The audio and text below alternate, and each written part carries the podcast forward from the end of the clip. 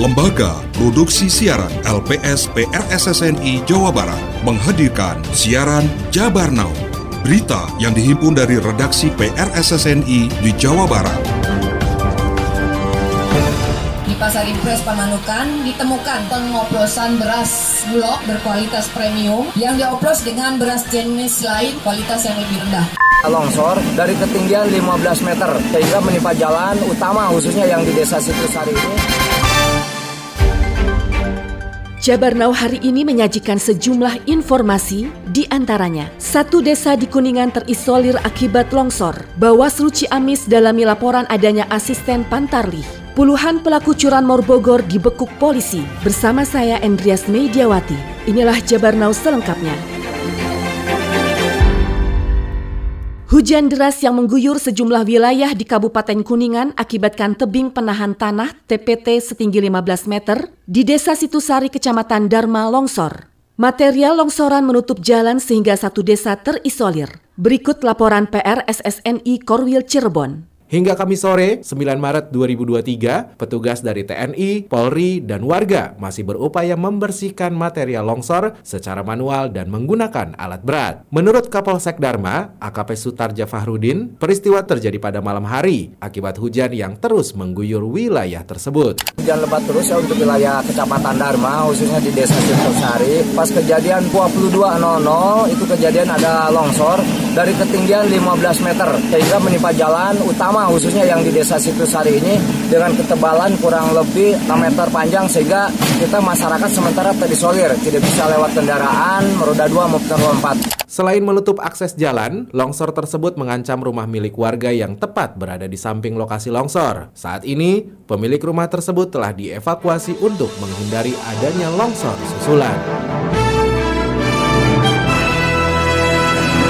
Ratusan pedagang pasar semi modern Palabuhan Ratu mendatangi kantor Persatuan Warga Pasar Perwapas guna sampaikan mosi tidak percaya terhadap kepemimpinan Ketua Parwapas saat ini. PR SSNI Korwil Sukabumi sampaikan laporannya. Aksi saling dorong sempat terjadi antara pihak kepolisian dengan sejumlah pedagang yang ingin naik ke lantai dua tempat Sekretariat Perwapas dan UPTD Pasar Pelabuhan Ratu. Sejumlah petugas dari kepolisian terlihat meredam emosi warga. Ketua Koordinator Warga Pedagang, Asep Saputra mengatakan kepemimpinan Ketua Perwapas saat ini sangat merugikan para pedagang. Mosi tidak percaya okay. kepada ketua perwapas Pak Camat itu ketua perwapas itu seharusnya membela para pedagang kecil.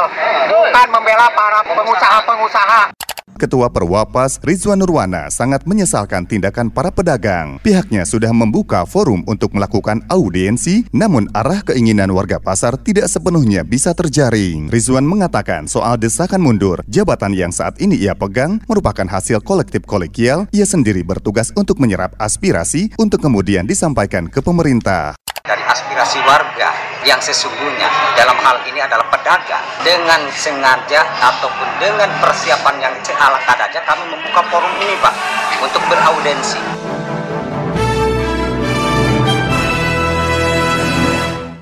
Info Pemilu.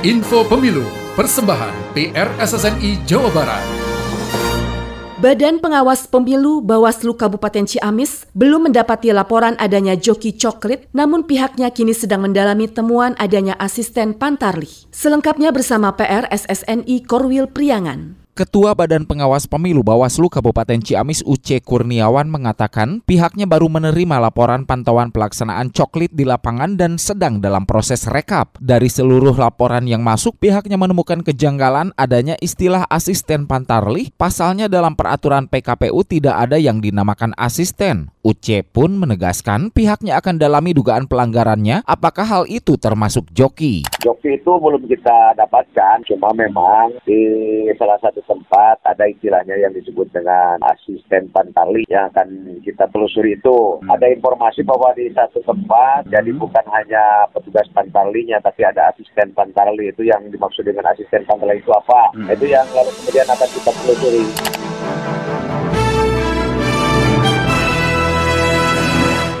Terima kasih Anda masih mendengarkan Jabar Now yang disiarkan serentak di radio anggota PR SSNI se-Jawa Barat. Saudara, Satuan Serse Kriminal Polres Subang menciduk BHR 60 tahun, pelaku praktek pengoplosan beras bulog SPHP dengan beras jenis lainnya yang kemudian dikemas kembali untuk dijual kepada masyarakat dengan harga lebih tinggi. Kapolres Subang AKBP Sumarni menjelaskan, praktek pengoplosan beras bulog itu diketahui Senin 20 Februari silam jam 10 malam di salah satu toko beras di Pasar Inpres Pamanukan. Kapolres Sumarni saat jumpa pers sebelum lama ini mengungkap, selain meringkus pelaku, pihaknya juga mengamankan barang bukti 175 karung beras bulog SPHP ukuran 50 kg sebagai bahan baku utama, 28 karung beras merek mangga ukuran 25 kg sebagai bahan baku campuran, 83 karung beras merek MJ ukuran 25 kg yang telah berhasil diproduksi, dan ratusan karung kemasan serta berbagai peralatan produksi seperti timbangan elektrik, mesin jahit karung, sekop, dan lainnya.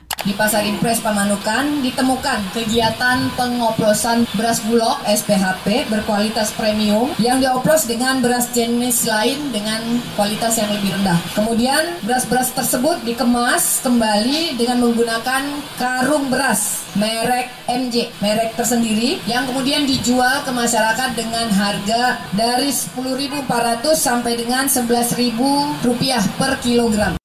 AKBP Sumarni menambahkan, tersangka dijerat pasal 382 KUHP dan atau pasal 62 ayat 1 junto pasal 8 ayat 1 Undang-Undang Nomor 8 Tahun 1999 tentang perlindungan konsumen dengan ancaman pidana penjara paling lama 5 tahun atau pidana denda paling banyak 2 miliar rupiah. Misteri penemuan mayat perempuan di perumahan Kota Baru Arjasari, Kabupaten Bandung akhirnya terungkap. PRSSNI Korwil Bandung sampaikan laporannya. Kapolres Bandung Komisaris Besar Polisi Kusworo Wibowo mengatakan kronologi kejadian yaitu di mana tersangka ER 33 tahun masuk ke rumah korban yang bernama Kurnaisin 49 tahun untuk mengambil barang berharga milik korban. Namun aksinya tersebut ketahuan oleh korban yang baru selesai mandi. Saat korban berteriak maling, tersangka ER langsung membungkam mulut korban dan ketika korban tidak berdaya, tersangka langsung melancarkan aksi ruda paksa. Menurut Kuswoyo, usai melancarkan hasrat Akibatnya tersangka ER langsung menghabisi korban. Tersangka pada awalnya ingin melakukan pencurian di dalam rumah korban. Pada saat ingin mengambil TV milik korban, korban melihat korban berteriak maling. Tersangka berupaya untuk membungkam dan menghentikan teriakan daripada korban. Lebih lanjut, Kombes Kusworo Wibowo menambahkan, pelaku akan dijerat pasal 338 KUHP tentang pembunuhan dan pasal 365 KUHP tentang pencurian dengan kekerasan, ditambah lagi dengan pasal 286 melakukan persetubuhan dalam kondisi korban tidak berdaya. Pelaku dijerat ancaman hukuman maksimal 20 tahun atau penjara seumur hidup.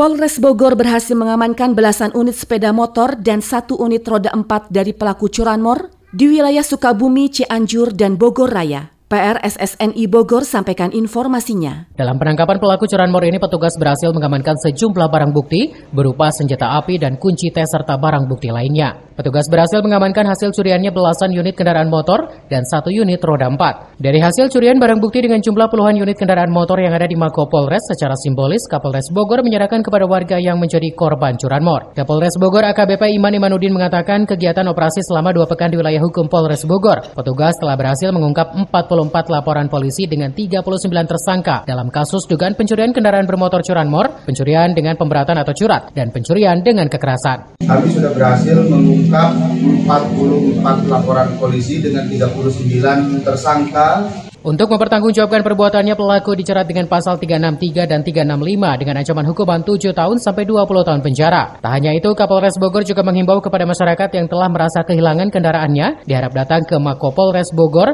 dengan membawa kelengkapan surat-surat kendaraan yang hilang tanpa dipungut biaya.